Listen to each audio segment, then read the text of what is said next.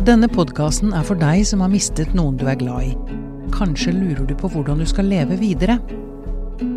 Her møter du mennesker som har gått veien før deg, og folk som hjelper sørgende. Velkommen til Sorgpodden med programleder Kjersti Kamestrøm Lie. Sorg og prestisje, eh, det er ikke to ord som faller helt naturlig sammen, Christiane Mykland Hansson. Nei, det er vel egentlig en reaksjon jeg ofte får eh, når jeg snakker om det.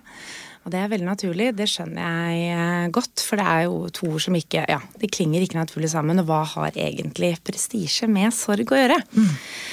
Og det eh, Sorgprestisjebegrepet, det, det hadde sitt utspring da jeg tok mastergraden min ved medisinsk fakultet. Da fikk jeg lov til å være med i en forskningsgruppe som forsket på sykdomsprestisje. Det er en sosiolog som heter Dag Album, som har forsket på dette nå i over 25 år. Og den forskningen den avdekket at blant helsepersonell og leger så eh, fins det en helt klar rangering av sykdommer.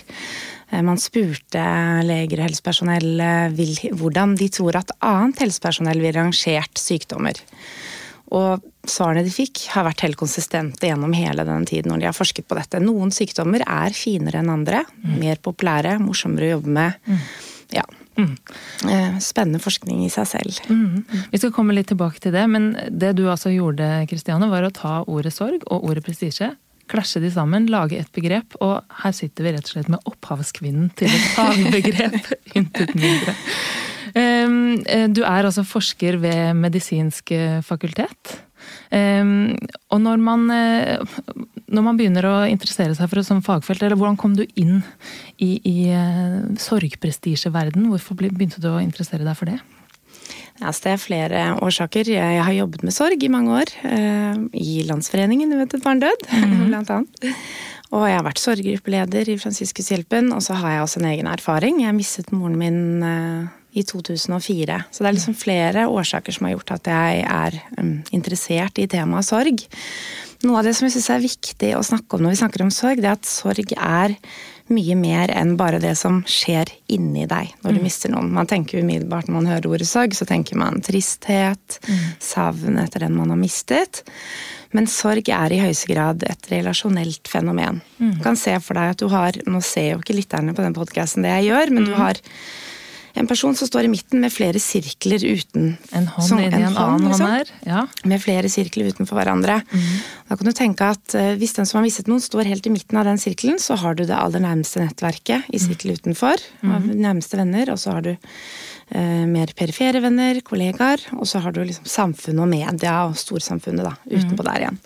Og sorg, hvis du trekker noen piler mellom den personen i midten og alle mm. disse syklene, så går det piler begge veier. Mm. Eh, den som sørger, innvirker på de rundt, og de rundt innvirker på den som sørger. Mm. Og inn her kommer sorgprestisjen eh, mm. seilende fra siden. på hvilken måte? Eh, nei, det handler om at altså Det jeg gjorde i masteroppgaven min, var at jeg analyserte blogger om sorg. Mm med sykdomsprestisjeteorien i bunn. Og det jeg så da, var at jo, det er faktisk sånn i dag at sorg og etterlatte noen type dødsfall har høyere verdi, rangeres høyere. Eh, tilskrives høyere verdighet, eh, mer forståelse, kanskje mer aksept enn noen andre typer dødsfall. Mm. Og det er jo liksom kontroversielt å snakke om.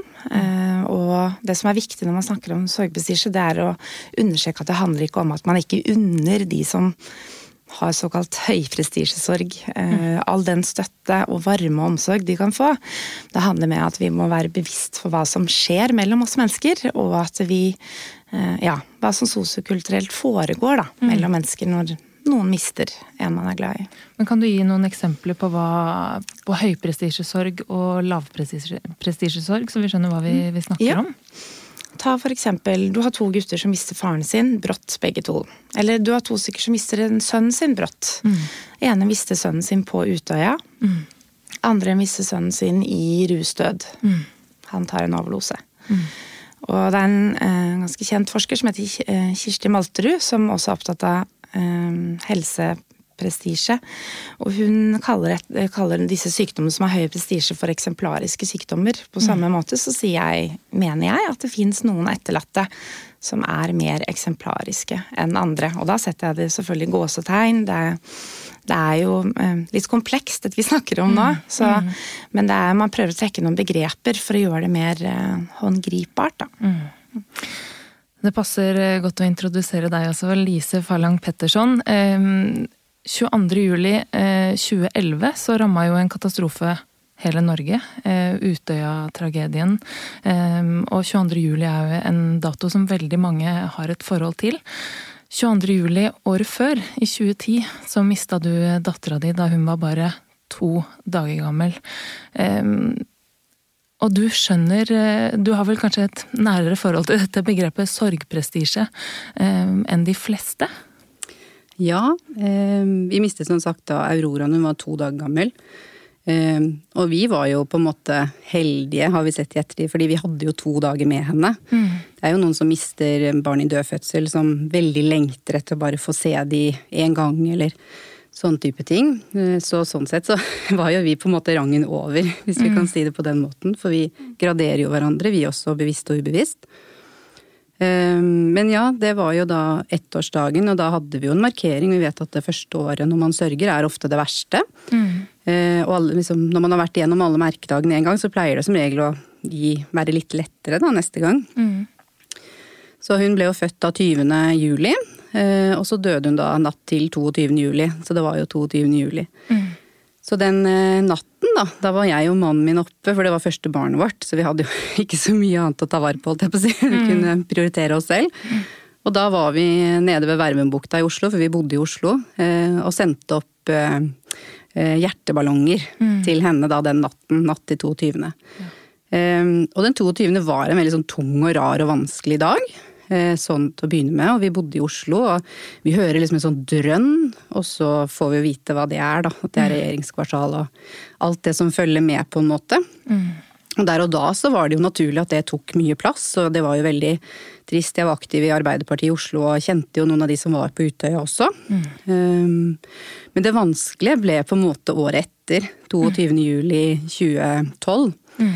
Juli 2012. For da skulle liksom hele landet sørge. Mm. Alle skulle liksom uttale seg om hvor forferdelig dette her hadde vært, og vi synes jo det selvfølgelig alle sammen. Mm. Men for meg så ble det veldig sårt at eh, folk som ikke ante noen ting om å miste noe, skulle mm. sitte og fortelle og mene så mye om hvordan det var å miste barnet sitt. Mm. Eh, når vi også hadde den opplevelsen, men at vårt 22. juli var så mye mindre. Hva gjorde det med deres sorg? Nei, det var jo Det blir jo litt sånn forsterket, selv om det da var to år etterpå. Så man sier ofte at det kan som Ja, det, sorgen kommer i bølger, og noen ganger er det stillere, og andre ganger kommer disse store bølgene. Og den store bølgen kom på en måte det året også, men den kom liksom en bismak i tillegg. Mm. For det var eh, Han hadde liksom ødelagt hennes dag, mm. hvis du skjønner hva jeg mener. Mm. Det var eh, det var liksom feil dag å velge, mm. I vårt tilfelle. Og så er jo alle har jo hver sine dager, så det er jo ikke det. Men uh, mm. Og så var jo den katastrofen som skjedde med deres familie like stor som den som skjedde for alle de andres ja, familier i 2011. Ja, vi opplever jo det. Mm. mm. Samtidig så er man jo litt da inne på det temaet du snakker om at uh, det er på en måte mer innafor å sørge i to år hvis du mister større barn, eller hvis du mister foreldrene dine, enn når du mister et veldig lite barn. Vi har jo fått kommentarer på at ja, men du har jo fått det til. Ja da, men det var jo ikke en hund, dette her. Det var jo barnet vårt. Mm. Det er viktig å skyte ned at sorg er jo så høyst individuelt. Mm. Man, noe av det jeg er opptatt av å få frem når jeg snakker om det temaet, det er at det er helt meningsløst å rangere sorg og smerte og lidelse. Det, er, det gir ingen mening. Det er viktig å gi støtte og anerkjennelse og omsorg til alle som mister noen. Og en del av de, mange av de bloggene jeg leste, det var um, kvinner som hadde, eller foreldre da, som hadde mistet barn, bl.a.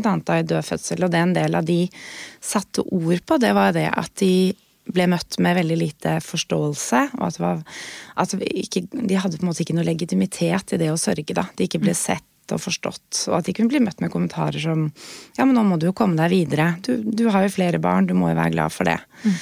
Og da kan man jo få sette litt på spissen, og så kan man jo spørre seg Ville man spurt en mor som mistet et barn på Utøya, ville man sagt det samme. Ja, nå må du bare komme deg videre. Du har jo flere barn.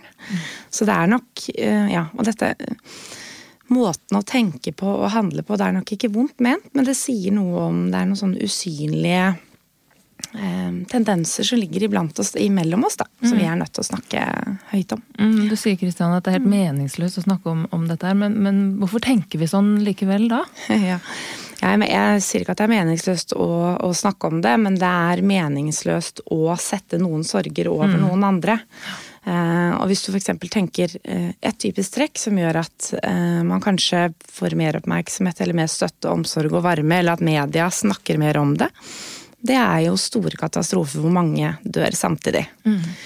Men hvis du spør hver og enkelt, og det var jeg inne på det Lise sa nå også, um, så er det jo ikke noe verre å miste et barn selv om det er mange andre som dør samtidig som barnet ditt. Mm. Det er ikke noe verre å miste noen.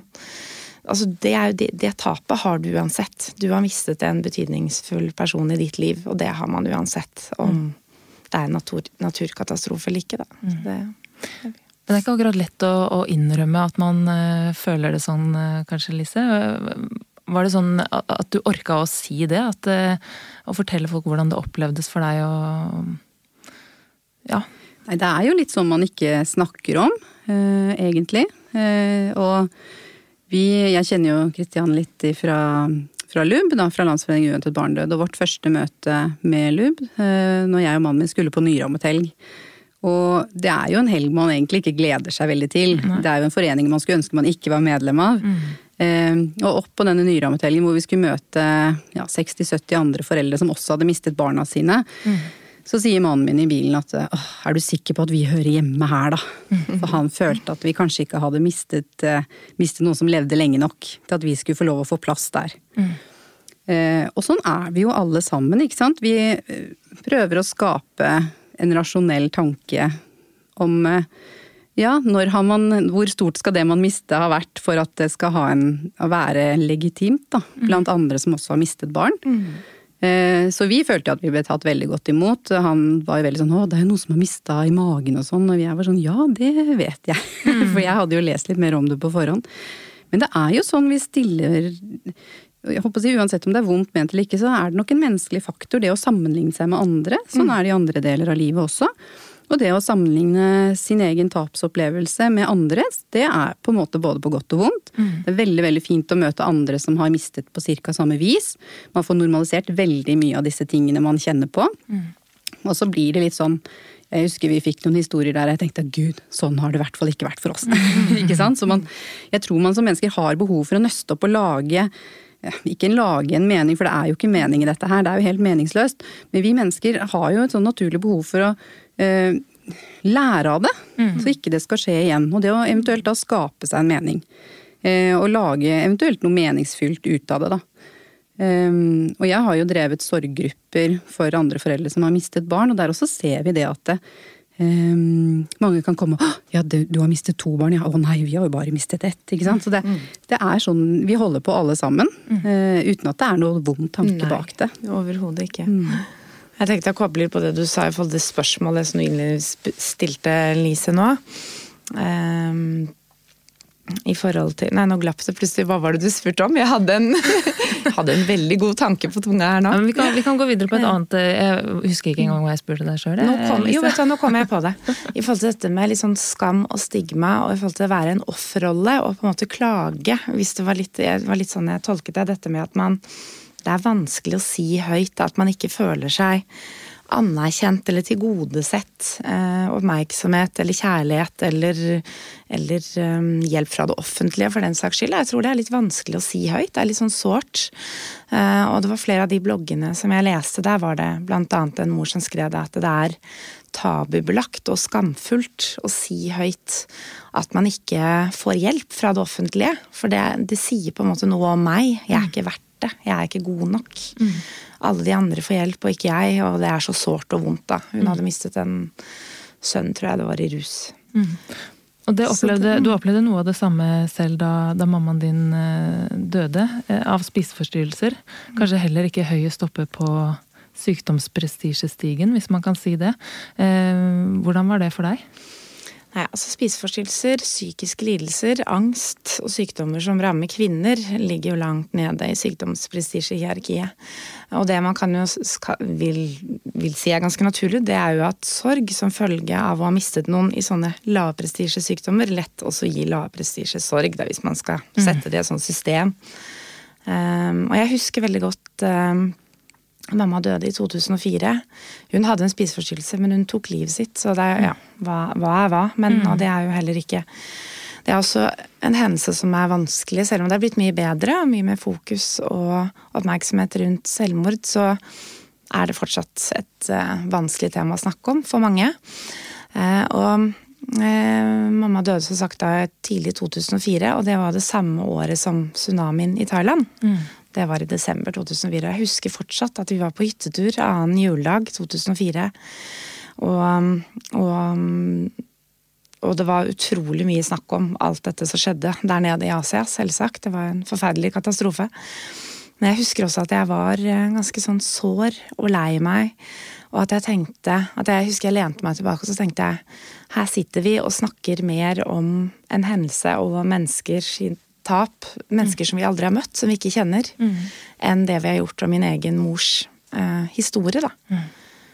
Og at det kanskje var den første spiren til at vi sitter her i dag, egentlig. Mm. Nå har vi jo tilrettelagt for denne samtalen, da, men, men, det er kanskje ikke så lett å, å si det at eh, jeg opplever det på den måten, eh, sånn i, i, hverdagen. Eller hvordan har det vært for deg, Kristiane? Nei, veldig vanskelig. Mm. Det er eh, nå ha, Ja, i dag er det lettere å snakke om det, men det er jo fortsatt um, sårt og vanskelig. Men det som på en måte driver meg fremover og gjør at jeg syns det er gøy, hvis jeg kan bruke sånt ord, eller spennende eller mm. meningsfullt da, å holde på med dette her, det er jo at jeg møter så utrolig mange mennesker som sier at åh, det er sånn jeg har det, eller takk for at du har hjulpet meg å sette ord på noe som jeg har kjent på i mange år uten å vite egentlig hva det mm. var. Mm. Eh, og så skjønner man etter hvert at på tvers av utdanning og prestisje og hva vi presterer, hvem vi er, så har alle sin historie og sine tap. Mm. Og og når du snakker om eh, tsunamien, eller eh, Det er jo egentlig ubegrensa hvilke type katastrofer man kan snakke om, så er jo også media en, en, viktig rolle i dette. Og kanskje ikke minst eh, sosiale media. Og det er jo nesten litt sånn makabert, men man kan jo nesten snakke om at man kan, kan måle medlidenheten i, i, antall likes, ikke sant. Går det an å si noe, si noe om hvilken rolle media har når det kommer til, til sorgprestisje? Kristiane? Ja, altså media er jo i høyeste grad med på å akselerere mm. uh, disse tendensene. Noen type dødsfall, hendelser, krisekatastrofer får veldig mye plass i media, og andre får mindre plass. Og jeg har skrevet en kronikk om dette bl.a. på psykologisk.no, og noe av poenget med det, det er jo ikke å si at eh, journalister skal dekke ethvert enkelt dødsfall. Mm. Det hadde vært helt meningsløst. Men det er jo fort sånn at det man leser om, det man hører om og det man snakker om, det tror vi jo implisitt at det er det som er viktig. Mm. Og da blir det fort og da blir de andre, uten at vi tenker over det, så blir det andre typer hendelser mer stilt i skyggen, da. Mm. Samtidig så er det også viktig å si at dagens moderne måte å snakke sammen på, det har jo også gjort at de mer skjulte stemmene har kommet frem i lyset. Så det er både Eh, det er flere sider av den saken. Da. For nå kan hvem som helst blogge. Mm. Hvem som helst kan skrive et innlegg om å miste et barn i dødfødsel, eller i selvmord, eller i rus. da. Mm. Så det er, ja, det er begge sider av dette her. Men eh, ja, Lisa, har du noe? Mm. Nei, vi valgte jo også å skrive på Facebook eh, at hun var kommet og at hun hadde dødd. I en og samme melding. Mm. Fordi at det var noe med at alle ser at du er gravid. Alle mm. forventer at uh, du skal komme med en baby. Folk mm. forventer ikke at du skal komme tilbake på jobb noen måneder senere og bare 'ja, her er jeg'. Så istedenfor å få liksom masse sånne småspørsmål, så vi informerte selvfølgelig familiene først og sånn. Uh, eller familien våre. Men uh, vi valgte å legge det ut på Facebook, på godt og vondt. Mm. Mm. Og det er litt fordi at Og det har jeg ment før jeg mistet datteren vår òg det er jo litt det der med at eh, ene, Jeg mener at nesten det eneste tabu vi har igjen i Norge, er døden. Mm. Vi kan sitte på bussen, vi kan prate om alt mulig annet, være helt ukritiske. Men eh, ja, psykisk lidelser, som nå egentlig er pratet mer om i det siste. Mm. Eh, og døden er liksom de vi har igjen. Og det er jo et litt sånn paradoks, for noe vi skal alle sammen, så er det jo å dø. Det er jo det eneste ja. som er sikkert her i livet. Mm. Um, og det er noe med at det er så Jeg tror det er myteomspunnet. Det er liksom Det er jo lite fakta om hvordan det skjer og Ja.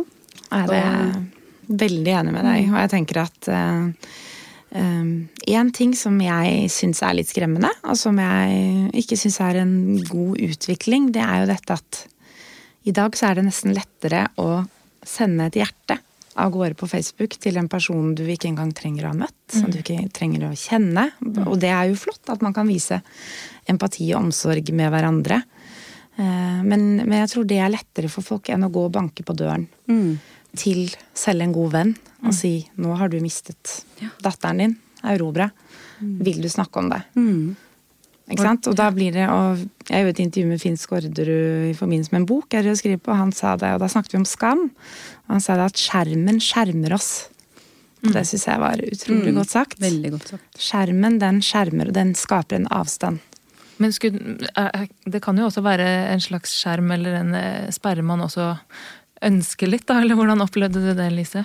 Ja, jeg opplever veldig ofte at uh, mange tenker at vi skal ikke snakke om, uh, snakke om henne. Mm, uh, og jeg tror mange har en god tanke bak det. De tenker at nei, vi skal ikke nevne det, for da blir Lise så lei seg. Mm. og det er sånn vi får høre fra flere som har gått i sorggruppe hos meg også. Vi må ikke nevne det, for da, da, kommer de sikkert på det. Kanskje de begynner å gråte igjen. Mm. Og så vet vi det at det er jo sånn på en måte barna våre lever videre. Hun vil jo mm. alltid være en del av meg og en del av familien. Og jeg blir mye mer glad og rørt når noen ønsker å snakke om henne og huske på dagen hennes.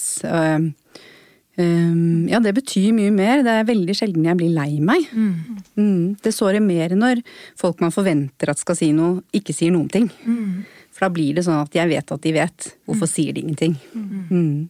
Det er kanskje ikke så lett å vite hva slags reaksjon man, man møter i andre enden. At det er derfor folk uh, unngår å spørre i det hele tatt. Ja, det kan være. Og så tenker jeg at der kommer det jo litt an på i hvilken relasjon man er. ikke sant? For noen relasjoner så har man jo høyere forventninger til, mm. Eh, til også. Mm. Um, og det er jo litt sånn som Sorg er jo tap av relasjoner, og man har jo noen man forventet at skulle stille opp mer, kanskje, og andre som man ikke forventer at skal stille opp, men som stiller opp allikevel. Mm. Um, så det ser man jo også ofte, at relasjoner kan endre seg ganske mye etter et tap, da. Mm. Bare for å ta det litt tilbake til den eh, spesielle datoen som er dødsdatoen for, for dattera di. Følte mm. du på en måte at deres sorg var mindre verdt, og at dere ikke fikk lov til å sørge, og at dere ble glemt fordi at det, det var så mange andre som skulle huske på andre som forsvant den samme dagen? Eh. Både ja og nei, fordi at den i 2011, når 22. juli på Utøya og i regjeringskvartalet skjedde, så hadde vi da allerede lagt ut den 20. juli. Mm. Eh, for vi valgte da å på en måte legge ut eh, at vi skulle ha minnesmarkering da eh, dagen etter. Mm. Så vi var på en måte kommet til litt i forkjøpet, heldigvis. Ja. Mm. mm. Så det føler jeg nok kanskje ikke. Men det var Jeg tror det var fort glemt mm. etter det som skjedde, skjedde 22. juli. Mm. Mm. Så Kristiane, jeg tenker på det. Det er jo ikke bare bare for de som opplever å, å miste noen i en stor katastrofe, som får enormt mye oppmerksomhet også.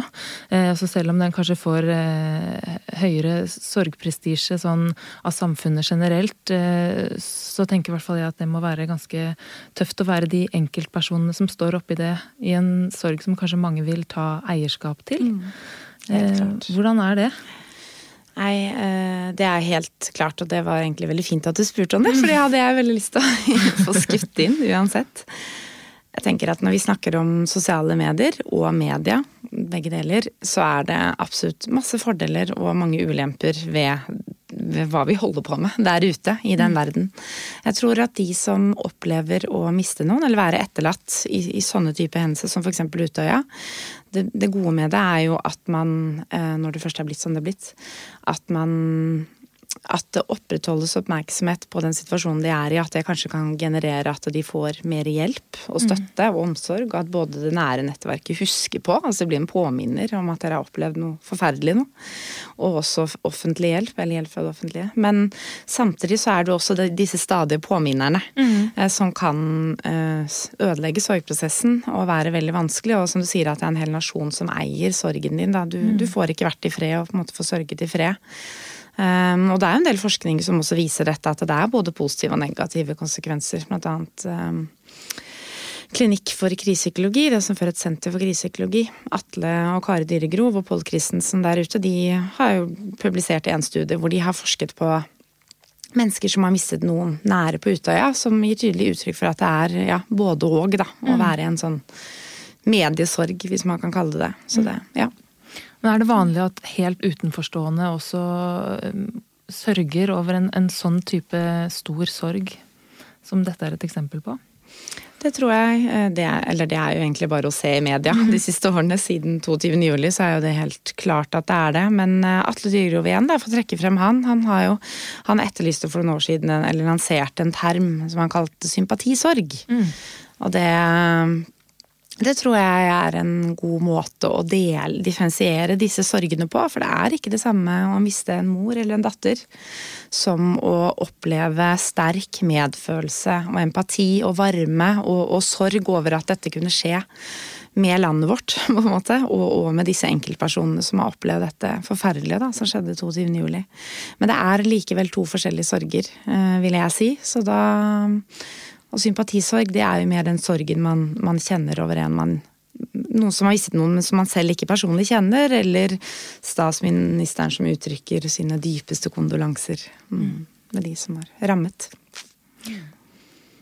Er det nyttig å ha et, et begrep som, eh, som sorgprestisje? Hva kan vi bruke det til, den lærdommen som, eh, som du bl.a. har forsket på? Eh, kan det gjøre at vi blir bedre til å håndtere sorg eh, som ikke er så mye verdt, i anførselstegn. Mm. Bare en liten skyte inn der, at det er ikke det jeg forsker på nå. Nå mm. forsker jeg på pårørendeinvolvering ved alvorlig psykisk sykdom. Men du er tross alt opphavskvinnen. Ja, ja, ja. Bare sånn for å ha det, ha det på det rene. Mm. Men jeg har jo skrevet en masteroppgave om det. Så, mm. Men eh, nei, jeg tenker at grunnen til at det er viktig om vi kaller det sorgbestisje, det er egentlig ikke så viktig hva vi kaller det, men det er viktig å eh, være det bevisst. Fordi Altså Dag Album, han som har vært ansvarlig for denne sykdomsprestisjestudien, han ble spurt eh, er det sånn at sykdomsprestisje har noen konsekvenser for prioriteringer, f.eks. Mm. i helsevesenet. Og da svarer han at det har ikke vi klart å påvise, eller vi har ikke, vi har ikke påvist det.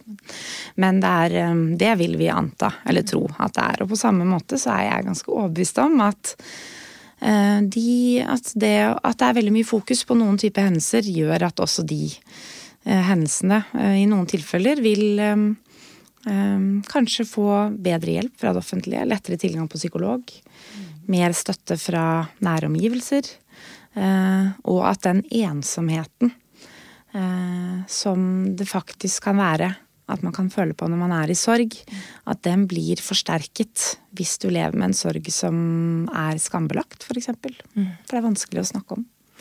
Lise, du er jo også psykiatrisk eh, sykepleier. Er dette en, et tema som du møter på i, i, din arbeidshverdag? Det er det absolutt. Mm. Det, er, eh, det er, mange Jeg har jo pårørende som mister, eh, mister familiemedlemmer i selvmord, f.eks. Og det er, det er en, ofte en skam og kanskje en litt sånn skyldfølelse. Man vet jo at det mm. ikke er min skyld, men samtidig så er den følelsen man har om at burde jeg sett noe, skulle jeg gjort noe mer? Ehm, og det er jo det, det menneskelige også, å prøve å finne en årsak til hvorfor ting ble som det ble, og hva kan vi lære av det, på en måte. Ehm, men jeg vet det som kanskje er frustrasjonen hos mange, da, som i forhold til det med store ulykker og sånne ting, hvor det virker som det genererer mer hjelpetiltak fra, fra helse, helsesystemet vårt. Um, og i forhold til det å miste barn f.eks., så har jo flere av sykehusene i Oslo nå lagt ned sorgstøttetilbudet. Mm. Og mener at det er noe som private aktører må ordne opp i. Uh, og det også tenker jeg vi sier jo litt om hva sykehusene tenker om, uh, om den type sorg. Mm. Mm. Så det får jo konsekvenser også, dette med sorgprestisje. Mm. Er det noe dere snakker om uh, på jobben mellom kollegaer, eller når du er på jobb? Ja, både ja og nei. Ehm, jeg er jo veldig åpen om at vi har mistet. Ehm, dog ikke til pasienter, der tenker jeg det er, de mm. som, det er deres rom og deres um, tid og plass. Men med kolleger så er jeg jo opptatt av å prate om det. Og få lagt den Fjernet det tabuet litt, da. Mm. Og ha fokus på at, uh, at, det er ikke bare når større barn eller uh, voksne dør av unaturlig årsak, da, som som eh, bør ta plass. Det, er liksom, det bør være rom for alle typer dødsfall og alle typer um, sorgprosesser, da. Um, og sorgen er ikke sånn at den, går, at den går fra et sted til et annet. Den tar mange mulige veier. Mm. Uh, og det å kunne noe om det også, tenker jeg er viktig. Hva tenker du at uh, opplevelsen du har vært gjennom har gjort med deg som både sykepleier, men også som menneske? Ja, Som sykepleier så valgte jeg å bytte jobb mm. etter at vi mistet henne. Jeg jobbet jo innenfor det som heter somatikken, av det kroppslige, før vi mistet henne. Um, og så har jeg liksom kanskje alltid hatt en hang til det med å jobbe innenfor psykisk helse, og da ble det litt sånn nei, nå sitter jeg og søker etter jobber. Mm. så det gjorde jeg eh, etter at hun døde den sommeren, mens jeg fortsatt da var i permisjon og var sykemeldt. Um, og jeg har nok absolutt havnet på rett hylle, da. Det opplever jeg. Men øh, hva det har gjort med meg som menneske? Nei, jeg er ikke alltid like tolerant lenger, tror jeg. Mm. På hvilken måte? Nei, øh, det er jo en del sånn hverdagsproblemer for de som ikke har opplevd å miste noe på den måten, som kanskje virker litt sånn bagatellmessig for meg, da. Mm. Som jeg kan øh, kjenne på at her er vi her igjen. Samtidig så må jeg minne meg på at det er deres, det er deres verste opplevelse, så da må de få lov å eie den. Mm. Eh, men ja, nei, det har nok kanskje gjort meg litt mindre raus. På godt og vondt. Jeg er jo klar over det selv, men det er jo Det er noe med at når man mister noe så, så stort og som et barn, eller mm. som en mor, så er det noe med at du blir tvunget, enten du vil eller ikke, til å gjøre opp litt status i livet ditt. Mm. Eh, hvem er det jeg er? Hva vil jeg nå? Eh, hvem er jeg nå? Mm. Eh, og det er jo ikke spørsmål, eller det er jo ikke en situasjon man har bedt om å få komme i, så det er jo på en måte både på godt og vondt. Kristiane, mm. mm. ditt tap av mamma har jo også vært veldig utslagsgivende for hva du, du gjør, da. Om jeg kan stille deg det samme spørsmålet. Hva, hva har det tapet gjort med deg, ja, både som fagperson, men også som menneske?